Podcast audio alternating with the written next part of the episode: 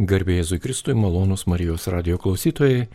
Šioje laidoje kviečiame pasiklausyti pasakojimo apie šios dienos titulinį šventąjį. Taip jau yra priprasta ir Lietuvoje, ir visame pasaulyje, kad spalio mėnesio pradžioje mes švenčiame ir šventąjį Pranciškų iš Asyžiaus. Prisimename jį ir jo draugus, vienuolius, prisimename ir jo padarytus darbus šventojoje bažnyčioje. Ir šiandien apie šventojo pranciškaus iškilmę ir visą tai, kas sieja mus su šventuoju pranciškumi, maloniai mums sutiko papasakoti pranciškonas, brolis, kunigas Evaldas Darulis. Įkalbino Liutauras Sarapinas ir aš sveikinuosi su gerbiamu kunigu broliu Evaldu, garbėjai Jėzui Kristui. Ramžys Amen. Dėkojame Jums, kad atėjote papasakoti apie savo mylimą šventąjį, šventąjį Pranciškų. Jis buvo ne vienas, turėjo draugų ir draugių. Jis statė bažnyčią taip, kaip buvo įkvėptas šventosios dvasios ir savo supratimu.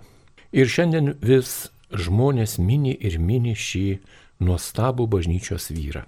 Kodėl taip yra, kunigė Evaldai, kodėl tas pranciškus neištirpsta laikmečio, šimtmečių dulkėse, o yra aktualus, gyvas?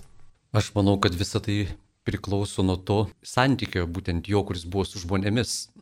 Ir šventas Pranciškus, kuris e, jau tada, kai atėjo broliai gyventi kartu su juo, e, jis savo pavyzdžius, savo kalbomis pasakojo jiems būtent kokius jis nori matyti brolius. Ta, kaip broliai su savo gebėjimais ir savo charizmom jie buvo labai įvairūs, bet vienas bendras bruožas, kuris mūsų dvasingume, jeigu kalbant, nes kalbam apie tų žmonių atminimą, kad 800 metų ir vis dar jisai yra vienas iš populiariųjų šventųjų, jisai mokėjo pats būti solidarus su visuomenė, kuri gyveno šalia jo, tada mokėjo bendrauti ir su tais, kurie buvo nepasiturintis, mokėjo bendrauti su tais, kurie buvo turtingi ir mokėjo bendrauti, nekaltinti ir neteisti tų, kurie darė klaidas. Vienu sakiniu galėčiau sakyti, jisai mokėjo mylėti visus.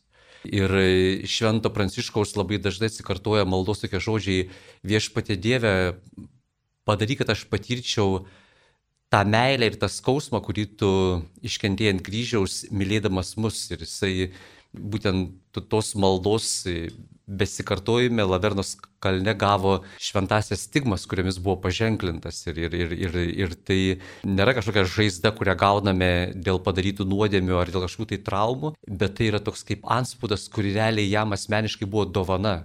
Ta begalinė didžiulė dovana, kurią jisai priėmė kaip patį didžiausią turtą.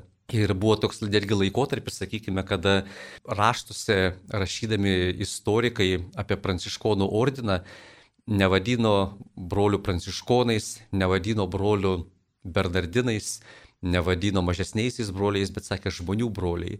Tai parodo būtent kokie mes buvom, bet tam, kad mes suprastume, kokie mes turime būti, yra labai svarbu, kad kiekvienas brolis visame pasaulyje įsiklausytų į tai, ką apie mus kalba žmonės. Ir jie yra ta būtent kryptis, kuri nurodo būtent tą mūsų kelią ir pašaukimą, nes jų įvardinimas, jų mokėjimas mus priimti tokius, tai yra mums vėlgi labai svarbus kaip, nu, tokia kaip kelrodė žvaigždė tarsi, kuri parodo, nes, nes, nes mūsų dvasingumą, mūsų reikalingumą atspindėjo iš žmonių sklindantis žodžiai.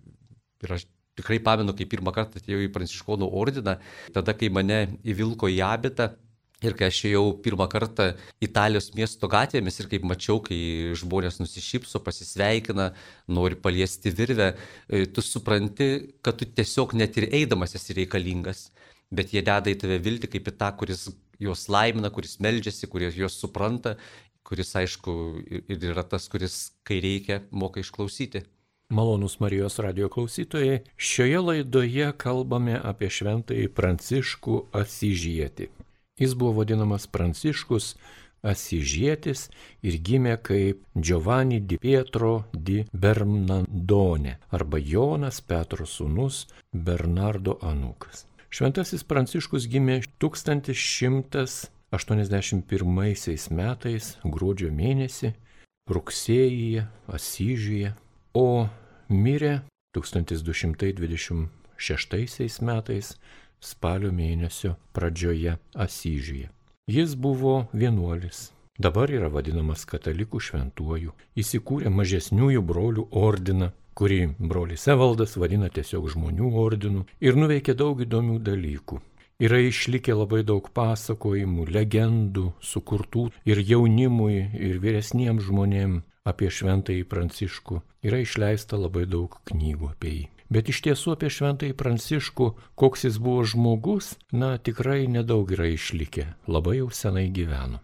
Bet jo širdies karštis pasiekia mūsų kasdienybę, mūsų dabartį ir mes esame daug kur Lietuvoje dedikavę šventasias vietas, bažnyčias Šventojo Pranciškaus atminčiai. Kaip švesime šį kartą Švento Pranciškaus minėjimą visoje Lietuvoje, broli Evaldai? Visoje Lietuvoje, ten, kur yra pranciškonų vienuolynai ir mažesniųjų brolių mūsų mažesniųjų brolių vienuolynuose, mažesniųjų brolių konventualų bei mažesniųjų brolių kapucinų vienuolynuose bus švenčiamos įvairiai.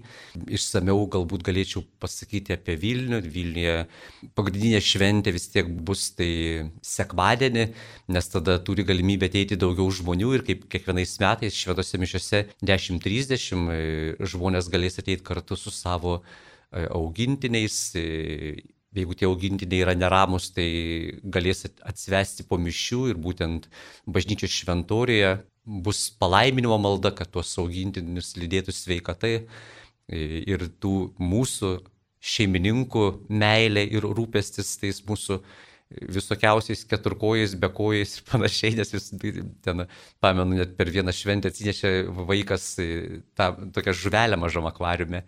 Tai bažnyčios vidinėme kieme aš virsiu žuvienę iš savo paties pagautų žuvų, brolius Julius ir kažkokį tai patiekalą darys ir ten vaišinsime visus ateinančius e, žmonės, kurie bus šventose mišiose. Maisto veterinarijos tarnyba irgi prisideda prie to renginio ir jie atvyks skiepis, ten vėl dalins informaciją apie gyvūnų priežiūrą ir kitus dalykus. Po to jau kitas savaitė, nes pati tikroji diena tai yra spalio ketvirta, tai aš važiuosiu į gimnaziją pranciškonų, kuri yra kretingoje. Spalio ketvirtoji yra mūsų gimnazijos steigimo diena, tai tenais vėlgi bus šventos mišios kartu su besimokančiais mokiniais ir mokytojais bei kolektyvu. Tiesiog ten melsimės ir dėkosime Dievui, kad galime mokytis, galime Švento Pranciškos pavyzdžių tobulėti ir eiti šventumo keliu, per kurį esame pakviesti keliauti per visą mūsų gyvenimą. Ir Šventas Pranciškus taip pat ir kūrinijos globėjas, tai labai svarbu būtent to šventės metu melstis už kūrinijos įsaugojimą, už tai, kad žmonės mokėtų mylėti gamtą, kad neterštų jos. Pamenu, kai galvojau kokį ordiną pasirinkti kaip pašvestojo gyvenimo. Tai buvo 94 metai, tai nebuvo, kad jau Lietuva ten jau ilgą laiką tiesiog yra laisva, nes kai Lietuva buvo Sovietų sąjungos dalimi, bet kokia religinė organizacija buvo tiesiog uždrausta, tai ypatingai visi vienuoliniai ordinai, tai tokios gyvo pavyzdžio patirties nu, neteko matyti. Tai pranciškonų ordiną pasirinkau todėl kad man patiko Švento Pranciškaus meilė gamtai, vienas iš pagrindinių dalykų, tai kad jisai mylėjo gamtą. Tai va, vien, ir tuo metu aš tą supratau skaitydamas keletą knygų, kurios buvo išverstos jau. Ir, ir po to, kai jau stojau į ordiną, Šventas Pranciškus pasirodo kūrinijos globėjas, tai reiškia, jo asmenyje išvelgiau tai, ką iš tikrųjų matė ir visuotinė bažnyčia. Tai, Ir Šventas Pranciškus, aišku, labai daug savo gyvenimo skyrė darbę su vargšiais, su raupsuotasiais, tai mes broliai turime nepraeiti ir pastebėti tuos žmonės, kurie stokoja, nebūtinai, kad vien tik tai materialių dalykų, bet ir dvasinių dalykų, ir mokėti užjausti, mokėti išklausyti ir, ir, ir neskubėti patarti. Nes meilė yra tiesiog tyliai klausantis, nuolankiai melsis už tą žmogų, kuris su tavimi dalyjasi. Nes kartais galbūt ir užsimirštam, kad kai ateina žmonės pas mus į pagalbos, jie tam, kad žengtų tą žingsnį, ypatingai jeigu tai yra išpažintis, jie turi nugalėti save pačius ir tai yra tikrai labai nelengva. Ir jau tą atgailos kelią, tą, sakykime, skausmą tam, kad ateitų iki tavęs, jie jau pakankamai patiria ir jie supranta, ką yra padarė, ko nori paklausti. Tai, tai labai svarbu, kad mūsų ta kūno kalba per, perduotų jiems tą meilę, tą meilę, kurią juos myli tą akimirką ir viešpats Jėzus, pats Dievas. Tai, tai tikrai atsakomybė yra pakankamai didelė - mokėti žiūrėti Kristaus akimis ir, ir ne, nepasisavinti tos garbės savo asmeniškai. Malonus Marijos radio klausytojai, šiandien prie mikrofono kunigas brolis pranciškonas Evaldas Darulis, jį kalbina Liutauras Serapinas ir minime Šventojo Pranciškaus Asižiečio dieną. Lietuvoje pranciškonams, žinoma, atstovauja labai daug susitelkusių, susiorganizavusių brolyjų ir vienuolynų. Tai ir mažesniųjų brolių ordinas, taip pat ir mažesniųjų brolių konventualų ordinas ir mažesniųjų brolių kapucinų ordinas, tai vis Pranciškaus šeima. Taip pat ir Šventojios Klaros neturtelių seserų ordinas, žinoma pasauliečių pranciškonų ordinas, trečiasis reguliarusis ordinas ir pranciškoniškasis jaunimas Jaupra, Jofra yra taip pat pranciškonų šeimos dalis. Ir norisi pasidžiaugti, kad Lietuvoje yra ne viena ir pranciškui skirta, dedikuota parapija, bažnyčia. Tai ir Vilniaus Švento Pranciškaus Asižiečio bažnyčia, ir Klaipėdos Švento Pranciškaus Asižiečio bažnyčia, ir Šilalės Švento Pranciškaus Asižiečio bažnyčia, ir Subačiaus ir Saldutiškio Švento Pranciškaus Asižiečio bažnyčia, taip pat Perlojos Švenčiausios mergelės Marijos ir Švento Pranciškaus Asižiečio bažnyčia, Paparčių Švento Vyskupo Stanislovo ir Švento Pranciškaus Asižiečio bažnyčia ir Mažeikių Švento Pranciškaus Asižiečio bažnyčia. Taip pat yra ir vienuolynai. Broli Evaldai, kur Lietuvoje yra Pranciškaus vienuolynai? Tai mūsų ordino mažesnių brolių vienuolynas yra Vilniuje, taip pat turime Švento Jurgo konventą, tai Kaune, tada yra Kryžių kalne vienuolynas prie Kryžių kalno, turime Pakutuvėnuose vienuolyną, Kretingoje vienuolyną ir Klaipėdoje vienuolyną bet mūsų ordino vienuolynai šeši yra Lietuvoje, bet mes taip pat turime ir Meino valstijoje, Amerikoje, Cannonport, Maine. Tenais irgi turime mūsų brolių vienuolyną, kurie dirba išeivijoje, jie migravo, kai Lietuva buvo okupuota. Ir taip pat turime Kanadoje prisikelimo parapiją, tautinę parapiją, kur renkasi lietuvių bendruomenė, vėlgi išeivijoje ten, kur broliai irgi dirba ir turi vienuolyną. Tai, tai su Amerika ir Kanada mes turime iš viso aštuonis vienuolynus ir iškilmingus įžadus davę broliai, tai yra apsisprendę gyventi jau mūsų šeimoje, yra 34. O kaip tie broliai, kurie gyveno Marienhaimene, ar jie dar gyvi yra, tai Alandų valstybė, Baltijos šiaurėje ir kažkada tai jūsų broliukai darė netgi specialią ekspediciją laivų berots plaukė iš Klaipėdos. Aš irgi ten buvau nuvykęs, ten, bet ne tuo metu, kai jie plaukė laivu.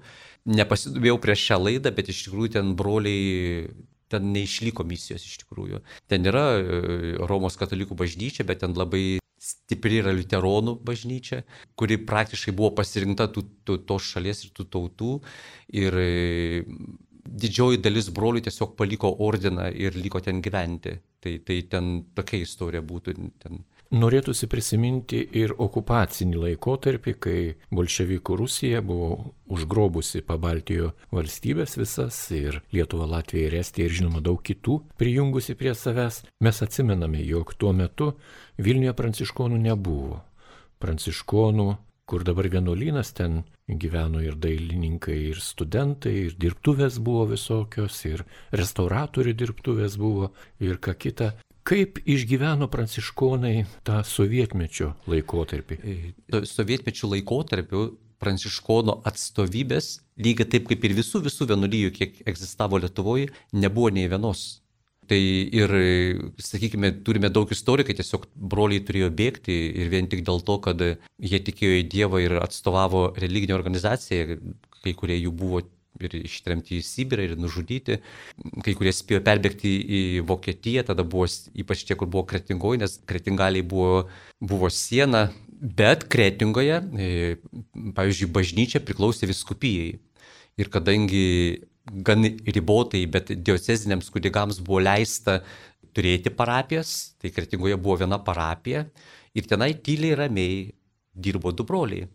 Tai Romukas, važybinių žodžių vadinamas Žemaitijoje, brolis dirbo Zakarstijono, toks Pauliukas, jisai tvarkė batus broliam jie buvo ne kunigai, aišku, jie abito negalėjo ir, ir nenešiojo, nes tai buvo tiesiog negalima, bet tikiai ramiai dirbo, aš manau, kad ten žinojo, kas jie yra, bet kadangi jie nei politikavo, nei buvo revoliucionieriai, tiesiog ramiai sūkdavo rožinį ir žmonėm tarnavo. Tai jie tokiu būdu tam tikrą prasme tą tokį testinumą išlaikė ir dar prieš juos kai kurie buvo, nu taip, nėra, kad ten taip buvo pogrindyje, kurie irgi tokius kaip įžadus davė, kai kurie broliai misijose buvo, bet tokios kaip pašvestųjų bažnyčios organizacijos vienuolyno nu, neegzistavo, nes tiesiog nebuvo galima. Nes ne, nebuvo galima ne vien tik tai vienuolyjom, negalima jokiai religiniai organizacijai, tai realiai buvo uždrausti net ateitininkai ir skautai. Visai neseniai, broli, jūs palaidojate savo vyskupą. Kas jis buvo? viskupą Baltakį. Jisai buvo brolis pranciškonas, tai kai, kai viskupas tampa pranciškonu, jisai jau tampa viskupu, bet tą teisę turėti abitą jisai turi, bet jau vis tiek jau jo, kaip jisai yra laikomas pranciškonu, bet realiai jis tampa jau kaip pasakyti, jis jau nėra, nėra saikstomas įžadu, kad gyventi ten be nieko savo paklusniai ir panašiai, nes vis tiek jisai turi nuosavybę, turi parapijos, bet vis tiek prie, prie kiekvieno, sakykime, pašvestojo vyro, kunigo, kuris būna renkamas vyskupu, vis tiek tas titulas ir tos raidės jos išlieka, jau tokia tradicija yra. Ir jisai išeivijoje, būtent Baltakis dirbo išeivijoje. Taip jis grįžo į Lietuvą ir sulaukė mirties čia tėvynėje. Jis berots buvo dar ir karys, buvo Plechavičiukas ir vienas iš paskutiniųjų, kurį galima buvo sutikti Lietuvoje, karį, kuris pasipriešino okupacijom abiem. Ir tęsėme pokalbį šiandien švesdami šventąjį pranciškų, mes negalime kitaip kalbėti kaip apie save, apie savo tėvynę, apie savo tėvus, senelius, apie tos žmonės, kurie šalia buvo mūsų ir yra šiuo metu. Ir apie tai susivokti, susiprasti, kodėl bažnyčia yra svarbu šventieji, šiandien mums padeda kunigas brolis pranciškonas Evaldas Darulis. Iš tokių įdomesnių dalykų, religinių dalykų, taip pat patirtis, kurios yra susijusios su maldingumu, su malda, dar vis progai pasitaikius noriu užduoti tokį klausimą, bet vis kažkaip jisai pabėga iš erdvės. Tai yra Telšių katedra. Telšių katedra taip pat buvo Pranciškui dedikuota, taip?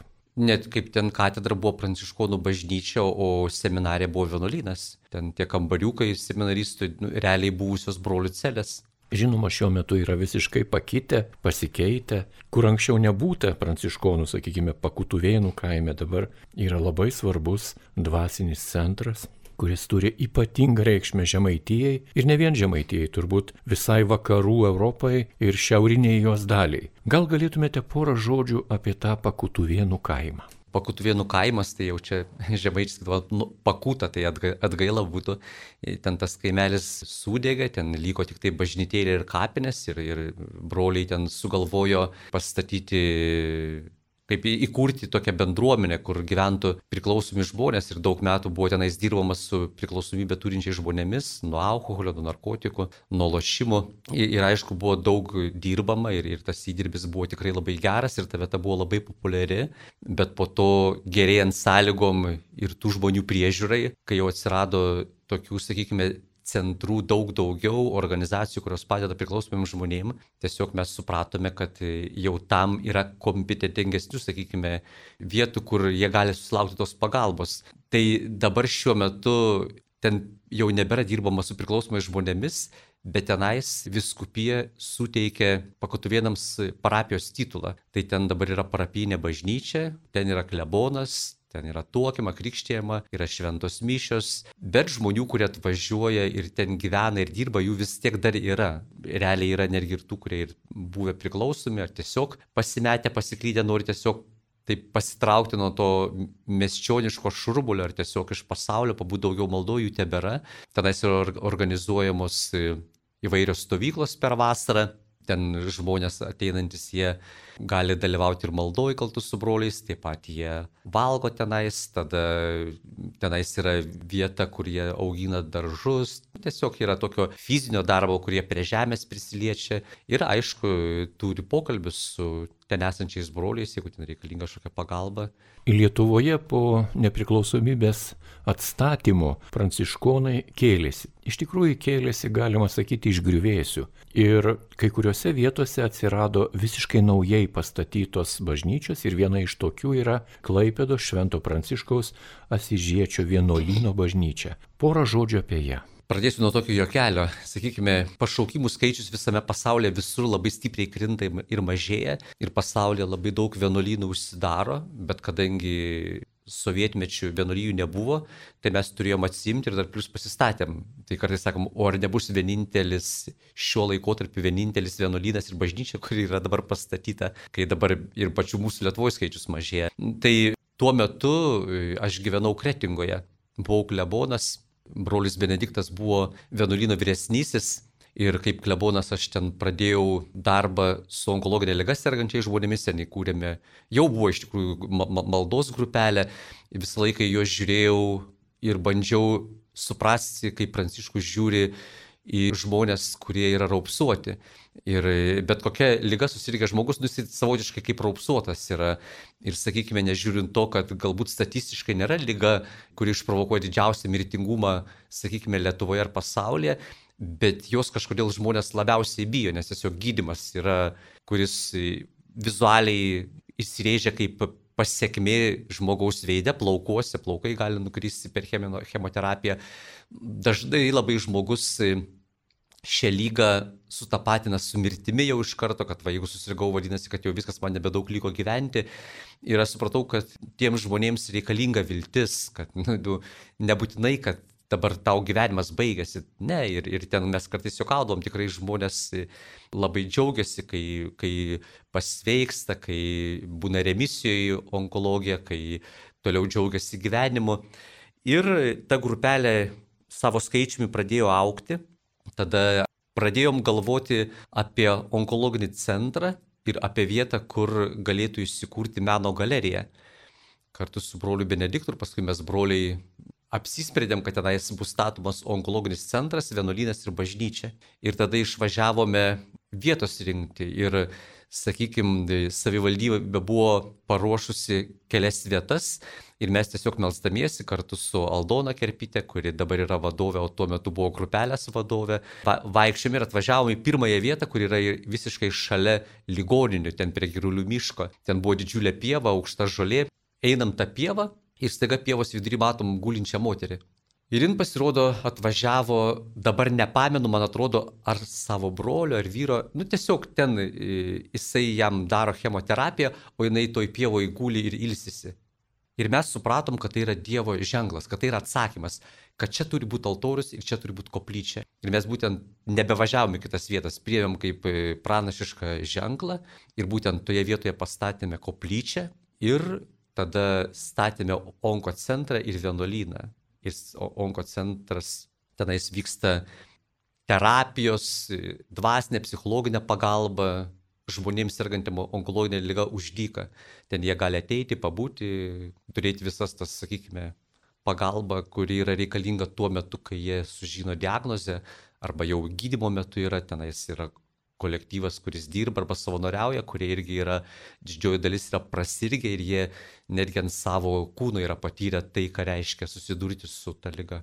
Ši bažnyčia buvo pastatyta 2012 metais. Kaip šita bažnyčia atrodo? Ji yra moderni bažnyčia, taip? E, taip, ji yra moderni bažnyčia. Kaip jinai atrodo, sunku dabar pasakyti, kaip atrodo. Nu, jinai maždaug yra penkiaukščio namo aukščio viduje mes sakom, kad stogas kliautas, kuris yra, tos, yra tarsi apverstas naujaus laivas, virš altoriaus yra nukryžiuotas, jis yra tikrai labai įspūdingi ir gražus ir, ir, ir profesionalūs vargonai, ten vyksta įvairius koncertai, ten e, ta visa fasada, ten, sakykime, į rytų pusę e, yra iš onekso akmens, pro kurį ateina netgi šiluma tokia, labai vasarą taip įdomu, kai ateini, ten ta, ta tokia Nu, ji yra jauki, jauki yra ta bažnytėlė. Nors ją vadina koplyčia visi. Įprastai vadina netgi taip jo kaip, na, sakykime, vėžių sergančių žmonių koplyčia, bet iš tikrųjų tai yra jūsų pranciškonų brolių Švento Pranciškaus Asižiečio vienuolyno bažnyčia. Taip. Ir norisi dar tęsti pažinti su pranciškonais ir būtent tais pranciškonais, kurie yra šiandien ir dabar šalia mūsų. Šventai Pranciškų mes pažįstame iš istorinių šaltinių, galime paieškoti internete ar, ar enciklopedijose ar istorinėse knygose, na, o dabarties, kad ir tokios metų dviejų, trijų senumo, na, kur rasi, nelabai kur yra. Praužė COVID. -as. COVID praužė Lietuvoje ir mes labai džiaugiamės, kad ši klastinga lyga labai stipriai nepalėtė katalikų bažnyčios darbuotojų, viskupų, kunigų, brolių, vienuolių, bet jūs turite vieną auką, tai broli Arūną. Kas jis toks buvo? Jis tuo metu dirbo Kretingoje, buvo kūningas, e, kilęs Suvalkyjoje. Žmonės labai gražiai prisimena, ypatingai vyresnio amžiaus, nes jisai pamokslus labai garsiai sakydavo ir, ir labai buvo mylimas jų kaip nuodemklausis e, ir buvo vienas iš mūsų brolių, tai mums tai yra netektis, taip, jisai susirgo per pirmąją bangą ir jam kažkaip neturėjo tų ir lygų ir nebuvo toks senas, bet jam kažkaip tai nepasisekė išgyventi, papuolė į komą ir ne, ne, ne, nebeprabudo iš komos tiesiog. Tai va. Dar brolis Elgis suteikė jam sakramentus, bet esant komos būsenui. Gana jaunas vyras, 54 metų berots. Taip. Ir dabar norisi jūsų, broli Eldai, paklausti dar. Broliai vis tiek gyvenate jūs kartu. Tai nėra taip įprasta, kaip diecezinis kunigas klebonas turi savo parapiją, turi kleboniją, turi raštinę ir butuką kokį ar panašiai. O jūs gyvenate visi kartu. Kaip tas gyvenimas kartu atrodo? Kaip jis jums prigijo prie jūsų charakterio? Jūs sportininkas, jūs toks gamtos vaikas, jūs klauzūros žmogus, jums reikia laisvės ir tolių, ir erdvės, o reikia gyventi kartu su broliais, trintis nugarą į nugarą. Nu, tai kai būna taip, kad ir atsibostam vieni kitiems. Prašyvadas prašykus sakė, kad Dievas davė mums brolius. Dievas davė, reiškia, nepasirinkai, tai neturi pretenduoti, kad visi tave glostytų ir mylėtų. Tai visi turim kaip asmenybę su savo charakteriais. Tai, kas tau patinka kaip žmogui, sakykime, aš manau, kad kiekvienas brolis turi atrasti laiko savo, tai yra labai svarbu kad nebūtum piktas ir surūgęs. Nu, bent jau kartą savaitėje, jeigu tau patinka žiūrėti filmą, patinka eiti į gamtą, ar ten patinka bėgioti, ar tiesiog miegoti, tu tą turi padaryti. Ir, ir tai, tai sakau ne vien tik tai e, savo broliams, bet tiesiog visiems, ką sutinku, nes e, poilsio neturėjimas tai yra vis, dažniausiai įvairiausių lygų priežastis. Realiai tai priklauso labai mūsų buvimas ir trenimasis kartu dar ir nuo vienuolynos, sakykime. Ten, ten labai veiklus vienuolynai, tai ten, kur yra parapijos, tai ten mes sustinkom, sakykime, per pietus tai visą laiką, tai per, mar, per maldas kartais taip, kartais ne. Bet kai vyksta namų kapitalo brolyjos diena, tai mes vėlgi būdam visi kartu ir čia per daug nėra taip, kad jau vieni ten su kitais būtum kokiuose, pavyzdžiui, Bernardinose ar tenais kretingos vienuolynė, bet, pavyzdžiui, ten kokiam Kelbumporte Amerikoje arba ten paimkim Klaipėdos vienuolyną, tai jau tenais tas gyvenimas labai jis yra bendromeniškas, todėl kad tenais nėra parapijos, ten visą laiką kartu, tenais praktiškai pavyksta ir visose maldose ir valgant dalyvauti, kadangi nėra tokių nenumatytų tenais, ten laidotuvių ar, ar ten kažkokių nenumatytų staiga, va, ateina žmogus, va, man reikia išpažinties ar pokalbio. Tai labai priklauso nuo vietos, kur tu gyveni. Nuo vietos, kur tu gyveni. Bet kai yra sakykime, brolyjos diena, arba kai turime palapinių kapitlą, kai visi broliai susirenka kažkokias rekolekcijas, nu, kartais galbūt prabėga tokia mintis, gal, gal, ai, gal žinai, niekur nevažiuosiu, bet kai nuvažiuoja, broliai vis tiek džiaugiasi, kad atvažiavo. Tai nėra, taip, kad būtų visiškas nenoras. Netgi jeigu ir kažkur nuomonės nesutampa, jeigu kažkur pasiginčiam, vis tiek, vis tiek yra malonu būti kartu, nes pasirinkom būtent, kaip ir sakot, gyvenimą, mes kaip bendruomenė jį atstovaujam. Tai kai tarsi būtumėm ta pašvestųjų šeima, mažesniųjų brolių ordinas, kurie, net va toks paprastas dalykas, aš iš žmonių žinau. Pavyzdžiui, aš dabar atėjau su abitu iki čia. Taip, mane žiūrėjo žmonės. Jeigu aš eičiau kartu ir dar kitas brolis eitų šalia manęs ir mes būtumėm dviese, rezultatas būtų dvigubas atrodo, aš nieko neveikiu, bet iš tikrųjų yra rezultatas to liūdėjimo, tilaus netgi liūdėjimo ir tai jaučiasi žmonių kūno kalboje labai jaučiasi. Tai manau, kad tai, kas galiojo prieš 800 metų, panašiai kalba ir dabar. Bet jeigu aš važiuoju traukiniu ir beldžiuosi rožiniu ir aš su abitu, nu, tai vienuolis. Bet jeigu aš važiuoju traukiniu su džinsovke ir beldžiuosi rožiniu, jau yra didesnis liūdimas, negu melžiuosi su abitu ir taip labai taip įvairiai. Tai... Na ir kadangi laida mūsų eina į pabaigą, broli Evaldai, grįžkime prie Šventojo Pranciškaus. Šis nuostabus šventasis mus pasiekia iš dangaus. Ar mes jį pasiekėme, yra kitas klausimas. Bet gal yra kažkoks ryšys ir galbūt yra žinių, kurios mums yra ypatingai svarbios susijusios su šiuo šventuoju mes, apie jo dvasingumą ir gyvenimo kelią mes galime tikrai atrasti labai daug informacijos iš pranciškoniškų šaltinių. Aišku, šventasis, kuris labai stipriai pasikėlė kortelę, tam, kad lygiuotis jį yra labai sunku. Tai paprieštarauti, kad negyvenam kaip šventas pranciškus, čia prieš kiekvieną iš mūsų galėtų bet kas paprieštarauti, nes, nes gyventi taip, kaip gyveno jis, nu, tikrai tai yra iššūkis. Tai sakykime, knygų, kurios kalba apie šventąjį pranciškų, netgi raštų, kurie buvo parašyti dar jam netgi esant gyvam ir po to, tai mes turime knygą kuri sudaryta iš knygų, yra tokio paties storio kaip Biblija, bet nėra visų išverstų į lietuvių kalbą ir jų yra tikrai labai nedaug palyginus. Dabar va, jau yra ruošiamas vertimas apie pranciškonų ordino pradžią. Viena iš tų knygų knyga, kuri galbūt jau pasirodys knygų mūgėje, kuri bus, tai va, ir, ir, ir Anonimo per, Perudžino, tai vėlgi bus tikrai vertinga knyga, kuri yra prieš šimtmečius parašyta, kuri kalba būtent apie pranciškonų ordiną. Tai va, ir, ir po truputėlį mes stengiamės, kad tų knygų apie šventąjį pranciškų ir pranciškonus atsirastų daugiau. Tai yra... Na ir pabaiga jūsų kvietimas, kaip švęsti šventojo pranciškaus dieną. Kviečiu ateiti į šventas mišes. Taip pabaigiame laidą skirtą šventajam pranciškui iš Asyžiaus. Šis šventasis Lietuvoje turi savo labai labai garbingą vietą. Daug bažnyčių yra skirta jo vardo atminimui. Šis šventasis yra įkvėpęs daug jaunų vyrų ir moterų sekti Kristumi. Šis šventasis yra palikęs tam tikrą gyvenimo konstituciją, kurią gali kiekvienas žmogus savo pritaikyti. Ir šiandien apie šventąjį Pranciškų iš Asyžiaus pasakojo taip pat brolis Pranciškonas, kunigas Evaldas Darulis. Jam klausimus uždavė Liutauras Serapinas, linkėdamas visiems švęsti Šventojo Pranciškaus dieną ir likti su Marijos radiju toliau.